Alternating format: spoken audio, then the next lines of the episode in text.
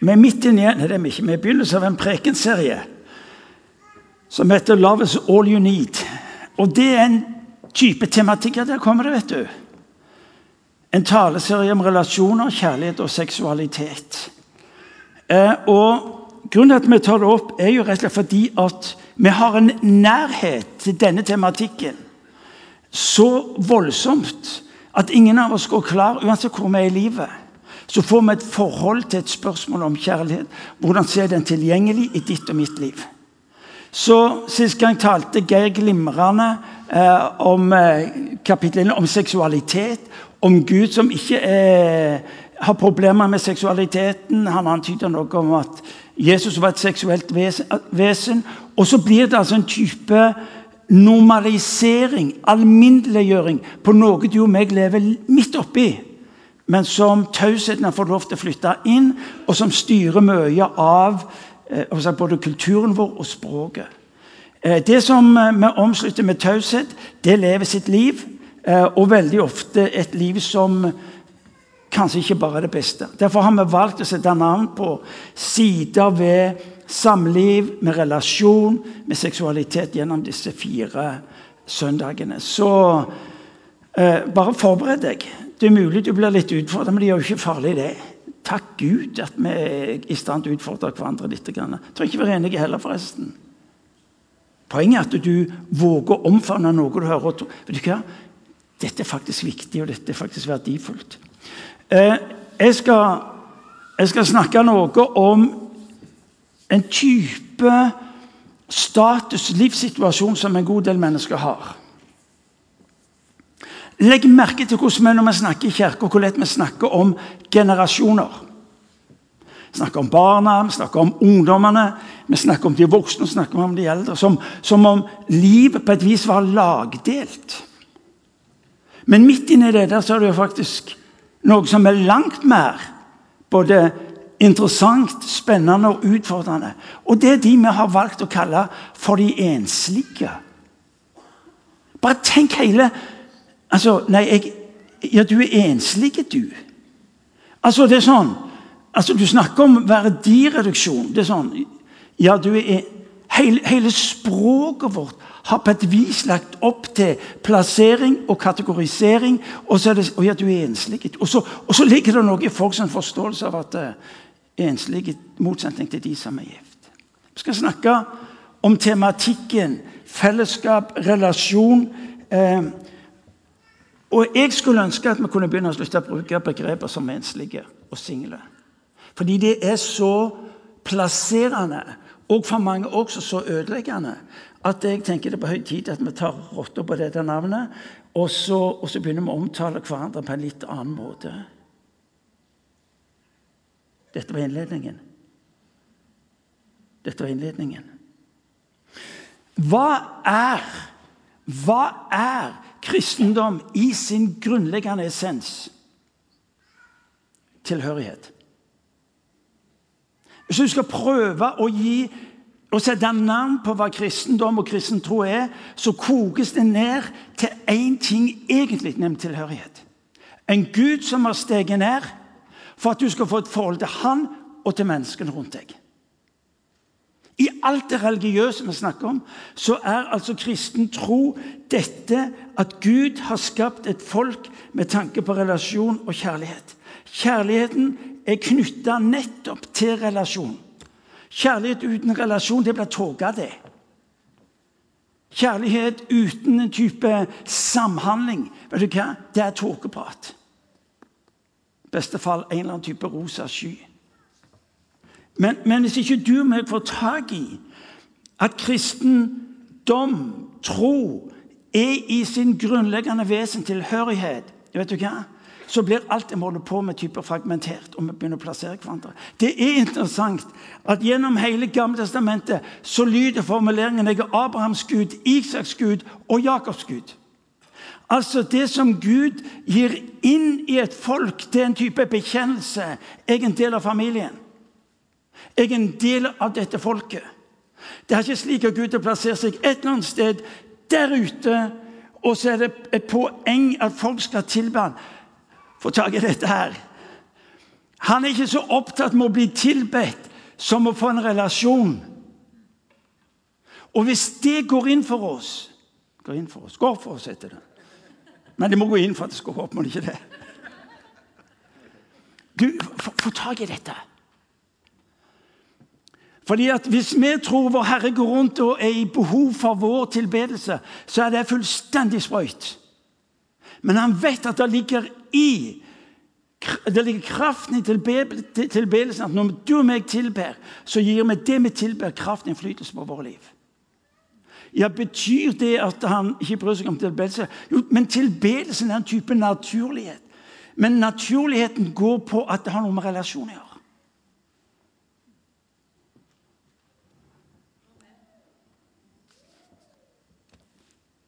Takk skal du ha. Abrahams Gud, Isaks Gud og Jakobs Gud. Ja, Da snakket han om et folk. Han snakker om stammer. Han snakker om slekter. Han snakker om familier. Altså, Guds innsteg i denne verden er blant mennesker med tanke på relasjon, med tanke på kjærlighet. Og så har jo vi som kirke forsøkt å fylle opp det der. Vi snakker ofte om Kirka som familie. Ja, Gry og egentlig mot Gry. Gry sa det innledningsvis. Vi ønsker å være familie. De fleste kirker som jeg møter, og som gir et eller type signal, de snakker også om familie. Og her har vi, hvis du har eh, Efeserbrevet oppe Paulus sier derfor er dere ikke lenger fremmede utlendinger. Nei, dere er de helliges medborgere og Guds familie. Legg merke til det står Guds familie. Ikke din familie eller vår familie, men Guds familie. Ja, det, er, det er ikke sikkert at det er så dumt å få det litt sånn type justert. Familie har med Gud å gjøre, også din familie. Og det er godt mulig at når du våger å se familien som en del av det store bildet, at du også begynner å se, at du vil se på familien med andre øyne. Familie, det høres flott ut. Problemet er og nå må du få tak i dette, første ansatsen min, og den kan utfordre litt. Men som sagt, det gjør ikke farlig. Problemet er at når vi leser ordet familie, så forstår vi det annerledes. Vi forstår det med Vestens øyne. Egentlig så er kjernefamiliebegrepet en moderne utgave. Det er faktisk ikke så gammelt, et par hundre år. Cirka. Grovt sagt. Men når du og meg tenker familie, ja, hva gjør vi da? Vår forståelse av familie er kjernefamilien.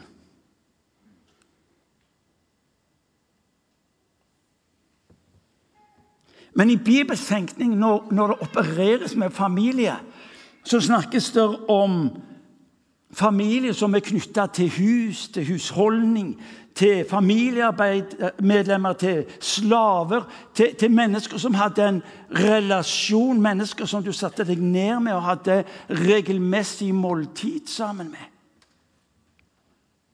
Familie sprenger begrepet av kjernefamilie. At kjernefamilien er en del av storfamilien, det er noe helt annet. Problemet blir hvis vi gjør kjernefamilien til det optimale målet. I det øyeblikket begynner vi å sortere. I øyeblikket begynner vi å sortere. Vi lever i en kultur hvor det altoverskyggende er å bli gift for en familie. Og når ordet familie kommer på banen, da snakker vi om kjernefamilien. Vi bruker det gyselig ofte her i huset. Vi gjør det. Og så sender vi signaler. Det interessante er at ved begynnelsen av 1900 var ca. 90% av alle voksne er gift. I dag er det flertall av såkalt single enn det er folk som er gift. Vi holder på med et familiebegrep som reflekterer en annen tid. Eller godt mulig ble ødelagt inn i en vestlig kultur.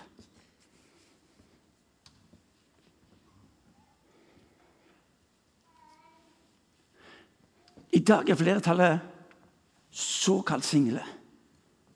Og det tallet vil vokse. Av mange grunner. som jeg ikke kan gå inn på her nå, men som, som, som, som bare på et vis indikerer, tror jeg, en voldsom vekst i tida som kommer. Fordi at den, den, i den vestlige verden, ikke minst basert på såkalt økonomisk frihet Tidligere Går du tilbake til 1900-tallet, så vil du oppdage at uh, mange uh, ekteskap og familier ble på et vis opprettholdt fordi det var en økonomisk avhengighet for, uh, for kvinnen i det ekteskapet. I dag er det en økonomisk frihet som gjør at Ja, visste du det? At av såkalt enslige i USA i dag, så er det flertallet så er flertallet av de som har, eier et eget hus, er kvinner. 16% 10% av menn.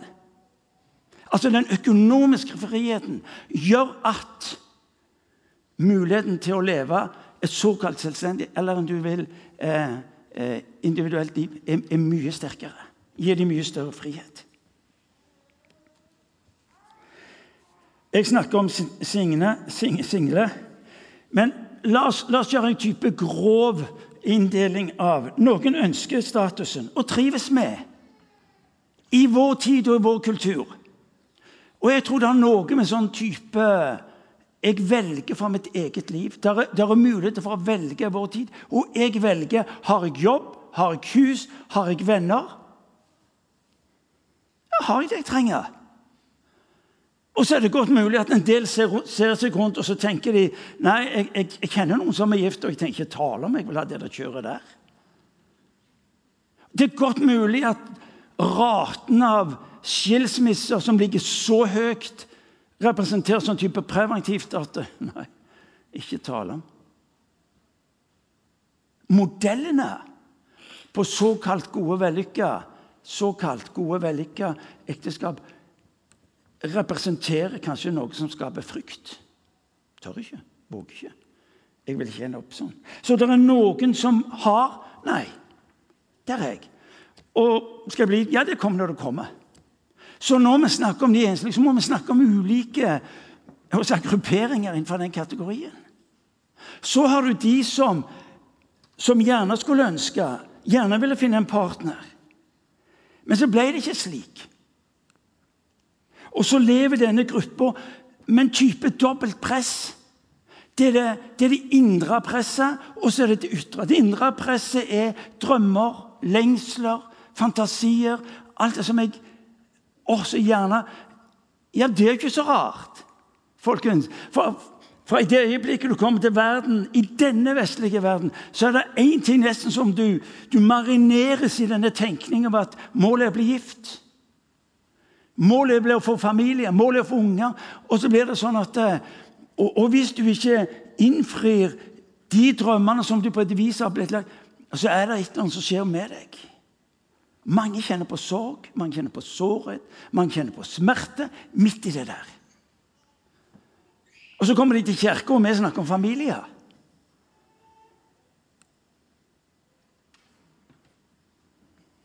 Og så er det det ytre presset. Ja vel, hvor mange, hvor mange, barn har du? Hvor mange barn har du? Nei, jeg har ikke noen barn. Jeg er ikke, gift. Familie og venner og velmenn som sier må du så finne deg en, eller? Du, der, du, der må du slå til. Altså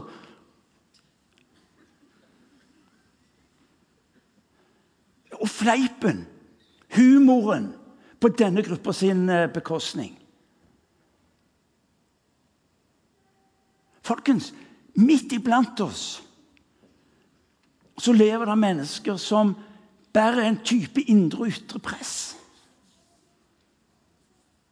Og hvis vi som hus snakker med så store bokstaver om familie, da er det sannelig at det ikke er så rart at det er et svært lite mindretall av såkalt single som går i Guds hus eller kirke eller bedehus rundt forbi.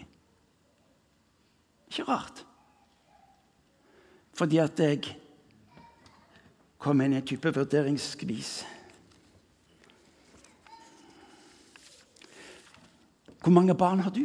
Ja, Plutselig begynner du å snakke om verdi. Det har noe med verdi å gjøre. Nei, jeg har ikke det. Og så blir det sånn Ja vel, hvem er du, da? Hvorfor? Hvorfor var det ikke noen som valgte deg, eller? Og så, og så ligger det en sånn en type Om dere forstår meg? Dere som bare ser på meg og lurer på, osv. Nei. Jeg snakker ikke om grupper som er under utdannelse, er yngre og for øyeblikket ikke har tanker om ekteskap. Det er det livet er altfor spennende og godt. Men det er mulig jeg snakker med grupper fra 25-30 år oppover.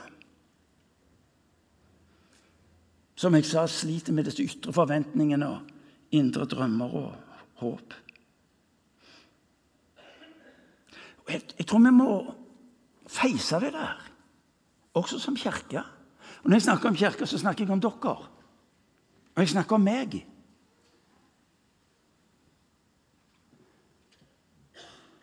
Jeg snakker med en del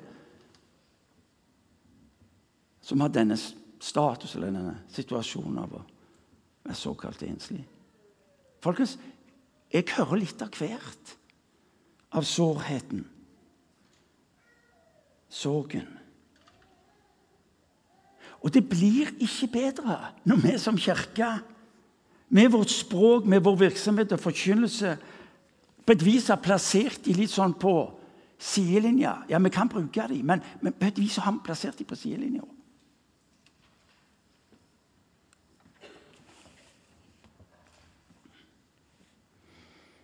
En annen gruppe av såkalt enslige personer med samlivsbrudd. Hvis det er tilfelle at 50% ca. av inngått ekteskap ender opp i skilsmisse, så betyr det at det er en ganske stor gruppe her som ikke passer inn. Én ting å, å være såkalt enslig. En som er å være en som er ikke gift. Men i tillegg så har jeg jo en historie som, som gjør at inni det kristelige så Så passer jeg jo heller ikke.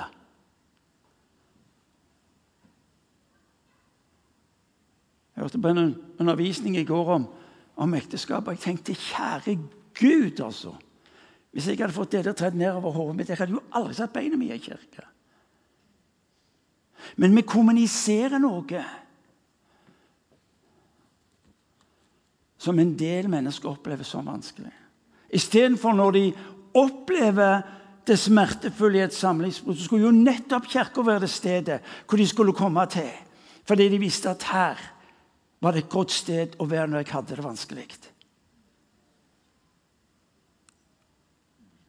Ja. Jeg er enig i at han skulle si halleluja når denne tiden, men, men men kan få si halleluja på at det er det vi vil være. Ja, ja så det er de som enslige liksom har valgt ut ifra kall og tjeneste, sølibatet.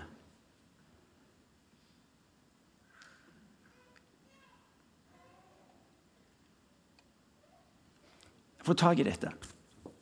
Kan vårt fokus på familie som den optimale størrelsen, og hvor vi som menighet legger til rette for at familiene skal lykkes, egentlig også oppleves som ekskluderende? At Kirka egentlig er for familier? Det er mange som tror det. Det er mange som tror det. Jeg møtte ei dame, oppegående, intelligent i lykke, sosialt topp når det gjaldt sosiale ferdigheter. Sa når jeg kom inn et sted, så skanner jeg. Og så finner jeg ut om hvor mange enslige det er. Og hvis jeg ikke finner noen, så kommer jeg aldri tilbake.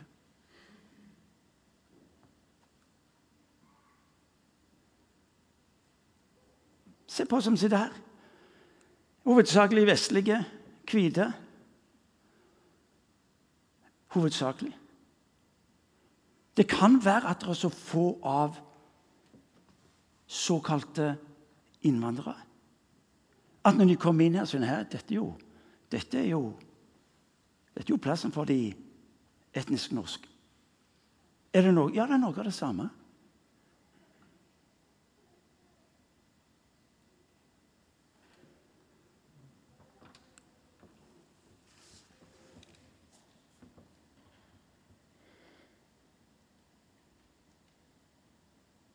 Gang til. Kan vårt fokus på familie egentlig sende melding om ekskludering? At Kirka egentlig er for familier? Mange opplever i dag at vår tids folkesykdom, nemlig med ensomhet, ligger noe av forklaringen her. Ja, jeg tror det.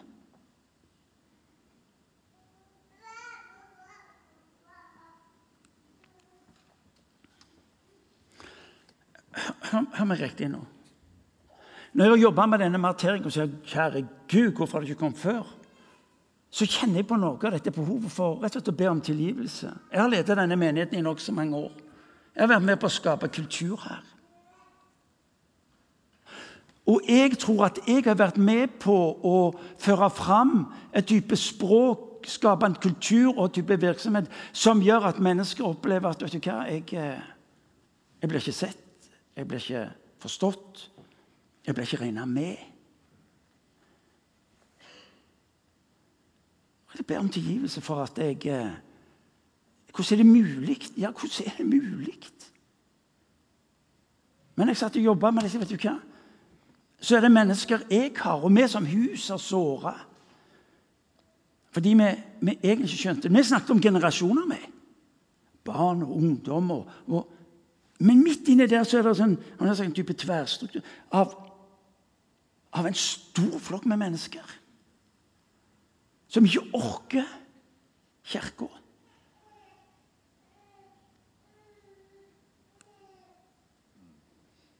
Hvis ikke vi får et forhold til det, så fortsetter vi akkurat som før.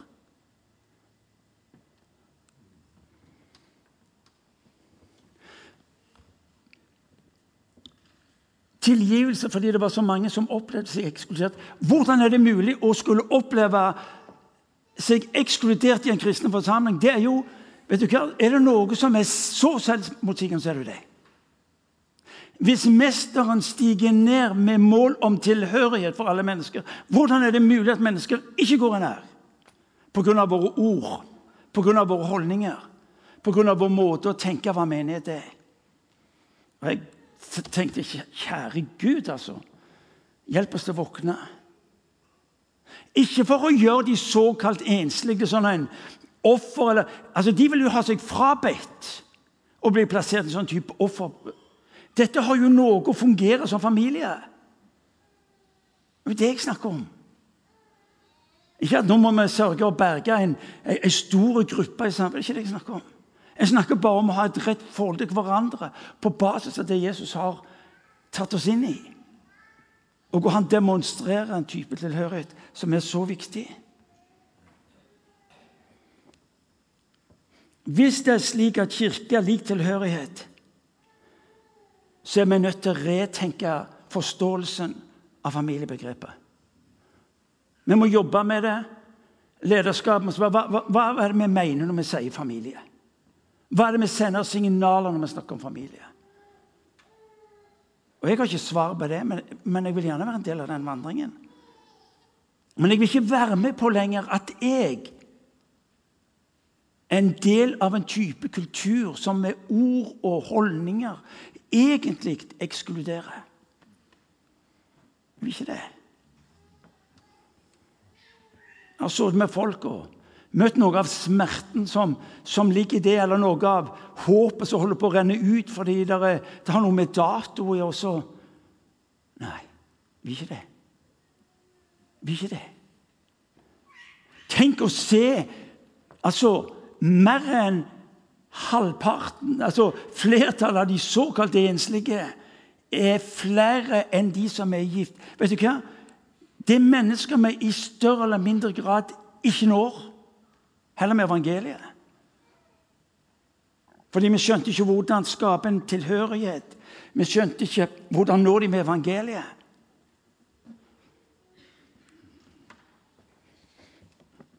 Folkens, det er jo faktus. Det er jo et faktum at de fleste som forkynner her i IMI, som leder her i IMI, er familiefolk. Få singler. Ja, men Det betyr jo at bildene som kommer, jo veldig ofte henta fra familien. De er henta fra en virkelighet som en stor gruppe mennesker sier 'spar meg'. Jeg skjønner hva poenget ditt er, men det er ikke min verden.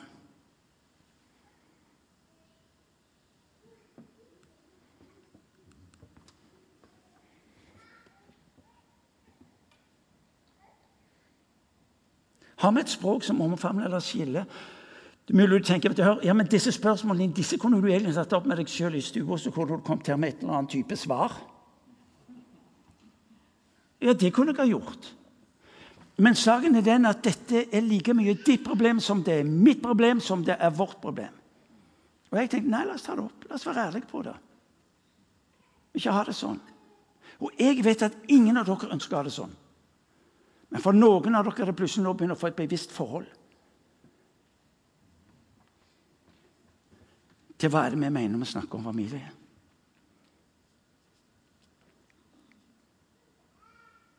Det interessante er jo Jesus var enslig. Paulus var enslig. Flesteparten av apostlene var enslige. Har du tenkt på det? Men Jesus kobla seg opp til en storfamilie. han. Det var Peter og, og hans familie og svigermor. Og så var det Martha, Maria og Lasarus. Paulus han kobla seg også opp til storfamilien. Det var Kvillas og Priskilla. Altså han, han kobla seg opp til noe. Ikke fordi at han var en sær utgave av arten, men fordi at han forsto seg sjøl som en del av en storfamilie. Og Det er jo det vi snakker om at disse såkalte single de, de, er ikke plassert i et eller annet type skyggeland. Men de er en selvsagt og naturlig del av. For vi opererer ikke med de har lykkes, og de har ikke lykkes. De er der hvor folk skal være. De er på ikke det vi gjør.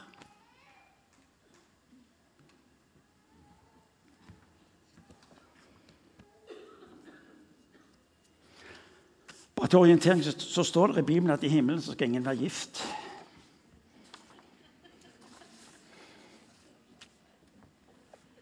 Ja, bare hvis du hadde glemt det. Jeg må ta livet av det der. Jeg skal begynne å slutte.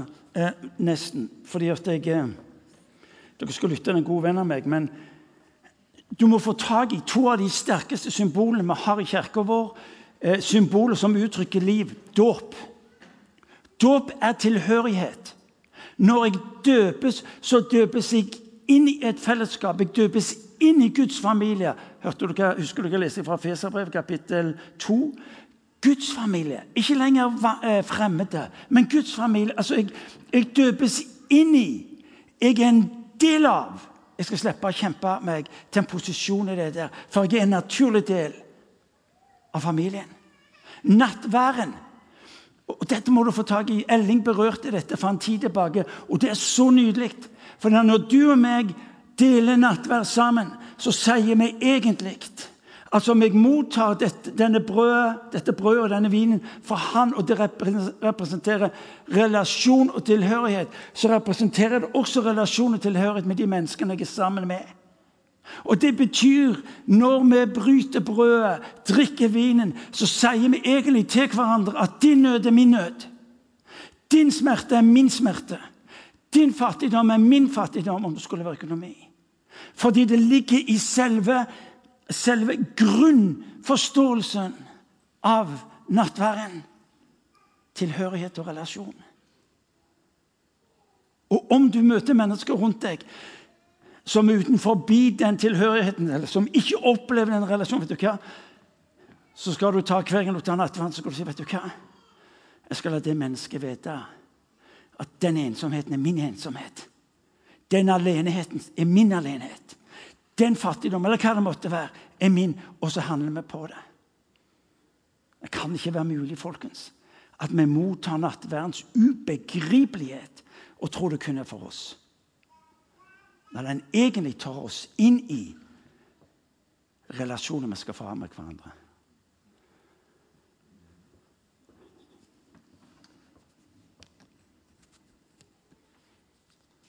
Tilhørighet innebærer å bli sett, regna med.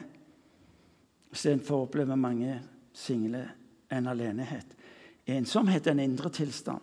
Aleneheten innebærer å ikke bli regna med, på et vis anonymisert.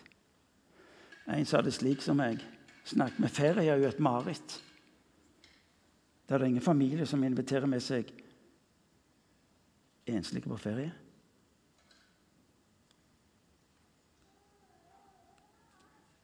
Mange av de reiser alene. Hvordan er det mulig?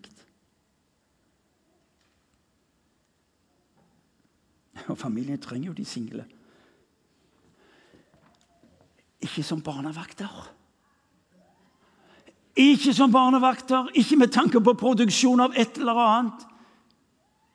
Men barnefamiliene trenger jo nettopp denne relasjonen med mennesker som opplever livet annerledes, ser tingene annerledes, bidrar så rikt og verdifullt inni. Er dere med meg? Ja. Ikke begynn å tenke ok, da må vi ta Nei, vi gjør ikke det. Ikke let etter barnevakter. Ikke let etter barnevakter. Det er en fornærmelse. Du antyder noe av verdi.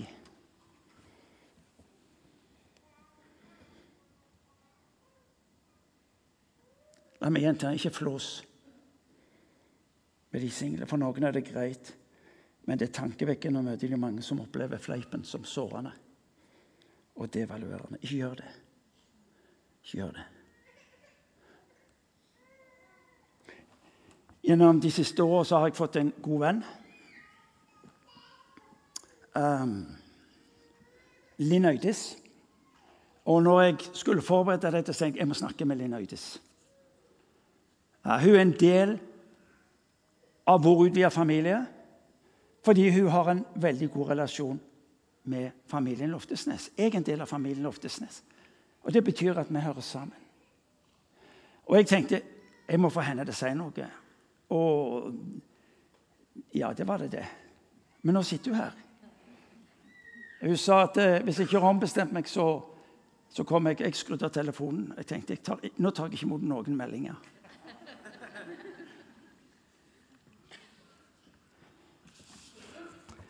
Skal vi Ta vel imot Linn Øydis.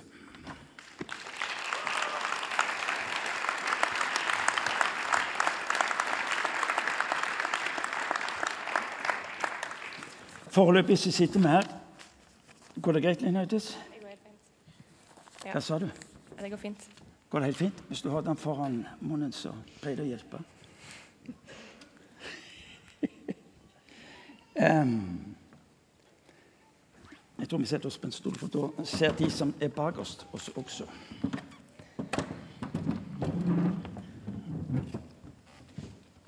Linn Øydis eh, Og dette må du tåle. Og Linn Øydis er Fordi vi har møttes på forskjellige måter i familiekontekst Hun er, hun er fadder på Timoteus Fred. Ja, på vårt yngste barnebarn, altså si vår altså han Therese og Geir sin, eh, sitt yngste barn. Eh, vi har møttes på forskjellige plasser i, i, i familiekonteksten. Eh, vi har aldri hatt tanken på at hun var såkalt enslig. Hun var en venn. Hun var en god venn fordi jeg så hva hun betydde for han Therese. Spesielt han Therese. Eh, og det, det, betyr mye for meg. Klart det gjør det. Eh, men hun er såkalt Hun er såkalt singel. Jeg hadde en uhyre interessant samtale med henne i går. Hun lærte meg mye. Og, og vi ble enige om at jeg kunne stille noen spørsmål. og Hvis du vil stille flere spørsmål, så får du gjøre det i kafeen. Men du må ikke komme en gang etterpå. Jeg skrur av telefonen, jeg. jeg skrur av telefonen. Eh, Linn Øydis, hvorfor er man følsom på å bli kalt enslig eller singel? Jeg hører jo at jeg kommer til å bare gjenta deg, men det er vel et kvalitetstegn. Eh, jeg tenker at eh, biologien i oss eh, etterstreber å finne en make og så lage avkom. Og at vi lever i et samfunn som på en måte sluser oss inn i det. Så Som singel kan man føle at man faller utenfor. At man mislykkes med, det, med borgerplikten sin. og at, eh, og at det kan kjennes sårt fordi at eh, man blir på en måte noe unaturlig eller noe ikke-attraktivt. Og at det enslige begrepet da kan kjennes som en diagnose. Jeg kan tenke meg det, liksom. Hører dere hva hun sier? Opplever det som en diagnose. Ja. Ja, men jeg mener Det burde sånn sett ruste oss. Ja, jeg kommer sikkert til å avbryte deg mer. men jeg var ferdig med det spørsmålet her, så da var du.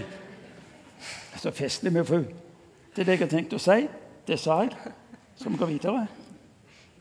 Eh, men dette, du sitter i et kirkelokale. Du sitter blant folk som er Jesus-etterfølgere, og som bekjenner tro.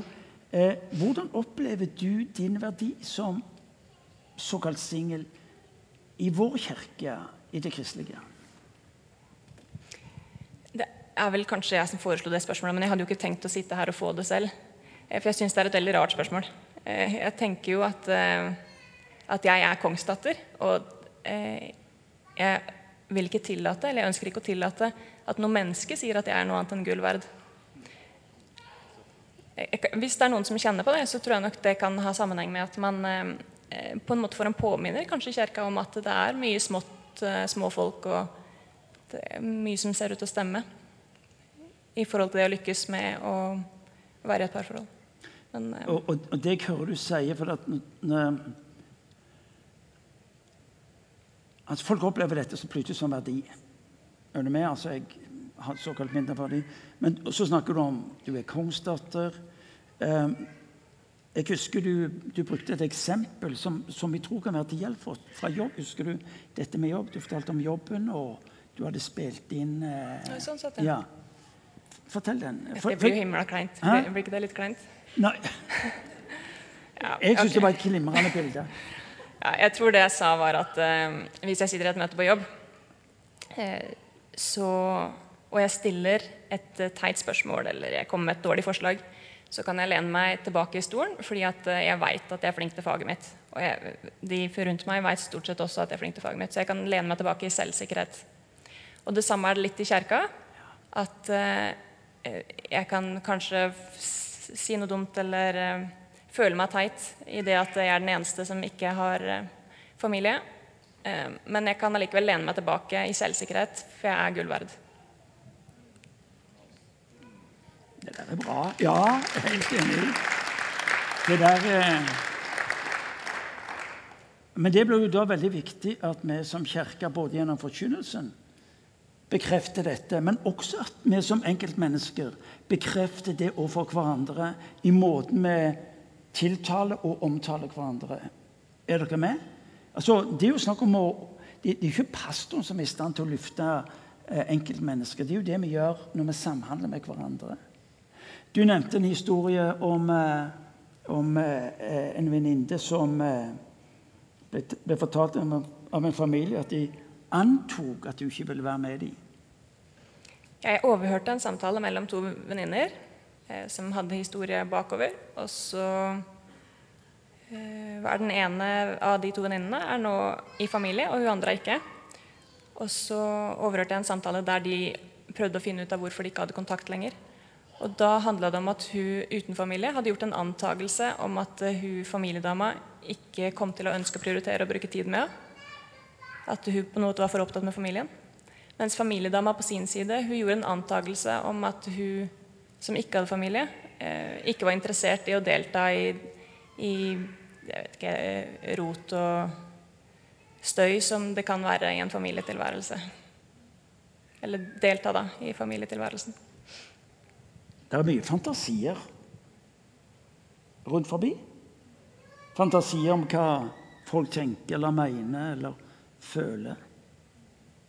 Du sa noe som, jeg, som gjorde inntrykk på meg, eh, fordi du, du, du ga meg et helt annet type bilde. Snakket litt, vi snakket litt om eh, innsteget i familien. Er ikke primært familien, men den relasjonen og det vennskapet som du hadde med vedkommende. Ja, jeg husker ikke helt hva jeg sa der som kan ha vært interessant for deg, men eh, jeg, jeg tror uh, For å ta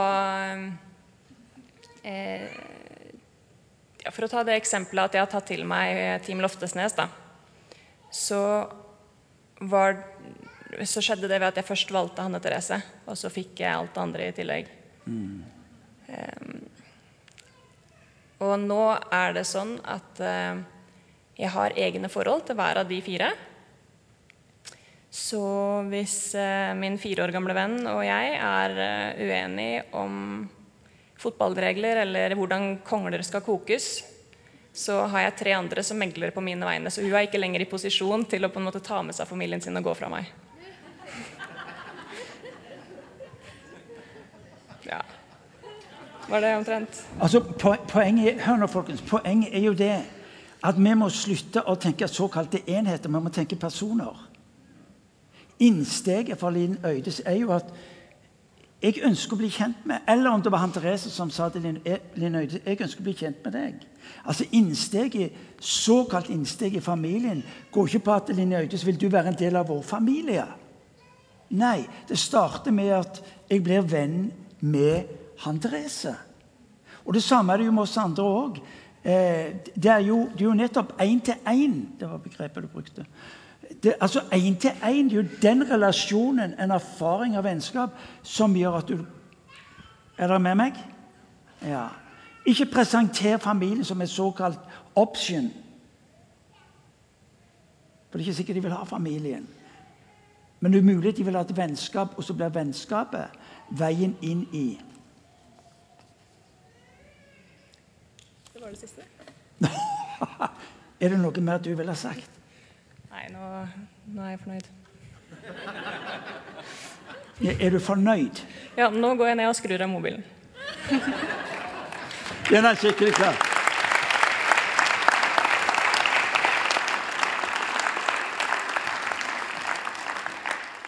Ganske kort til slutt. Hvordan kan vi møte noe av det vi har hørt nå i formiddag. Hva, hva blir på et vis jeg har sagt aksjonsplan? Hva gjør vi? Jo, tre, fire, fem, seks punkter kort. Se på språket du bruker. Hvordan omtaler vi? Hva slags type relasjon har vi forhold til? Begrepet familie gir ulike assosiasjoner. Det betyr at Vi snakker ikke om familie som i type tradisjonell forstand. Da må vi snakke om utvidet familie. Ja, Da vil folk kunne gjenkjenne ok, det er jeg en del av. Snakker du om familie, så er hele samfunnet har et sånn et på det. Så vi må se på språket vårt. Vi må strukturere, for derfor har vi huskirker. Altså, Hvorfor huskirke? Jo, fordi vi møter mennesker, ikke generasjonene eller de ulike statusene de har. Vi møtes som mennesker, som en utvida familie, fordi Gud har sagt jeg har steget ned, jeg vil være midt iblant dere. Og Da driver vi ikke på å sortere og vurdere i henhold til eh, såkalt status. Vennskap, som vi hørte nettopp. Mulig at noen av dere trenger hjelp til å oppdage det verdifulle i enkeltmennesker utenfor familiesektoren. Dette har tro på betydningen av kontakten for enkeltmennesker. La meg gjenta, og jeg setter det, neider det litt. og sier ikke presenterer familien som et option. Da er faren veldig lett for han å oppleve at nå skal jeg brukes til et eller annet. Våg relasjonen. Ha tro på betydningen av kontakten med enkeltmennesket. Men så vil jeg òg at vi skal være med og be om at menigheten skal få lov til å være et inkluderende fellesskap. I den breie forstand. Jeg kom hjem. Ja, det var, det, Kjernefamilien var en del av det, men det som gjorde det betydningsfullt, det var jo nettopp den utvida familien.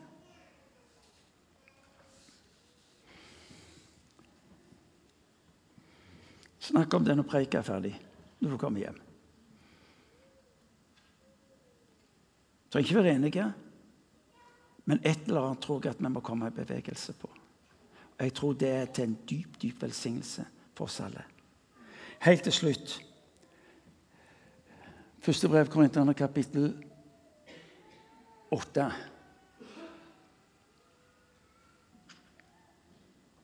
Men for oss er det én Gud, vår Far. Alt er fra ham, og til ham er vi skapt. Enkeltmennesker, familie, slekt, stamme, folk. Til ham er vi skapt. Og det er én Herre, Jesus Kristus. Alt er til ham, og ved ham lever vi. Enten du er i en familiesetting eller du er i en såkalt singelsetting, så inviterer teksten oss til å løfte blikket høyere og få tak i at jeg er en del av Guds dimensjon, av Guds verden og av Guds virkelighet. Slik han uttrykker det. Vi er ikke lenger fremmede eller enkeltmennesker. Vi er i hans familie. Skal vi reise oss, og så skal vi be.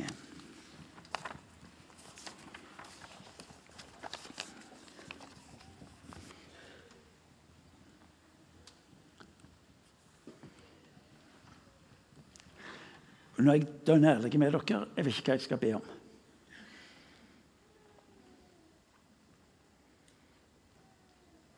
Og at alt jeg har sagt, mesteparten av det må bli en type virkelighet. Ja, det kunne jeg også ha bedt om. Men, men, men, egentlig så, så vil jeg utfordre deg. Hvordan forholder jeg meg til menneskene som som både er såkalt single, men også familier. Hvordan, hvordan forstår vi hverandre? Hvordan forstår vi menigheten?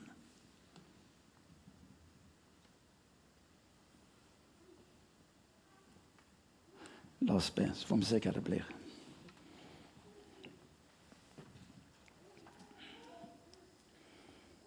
Hellige Ånd, takk fordi du er mellom oss.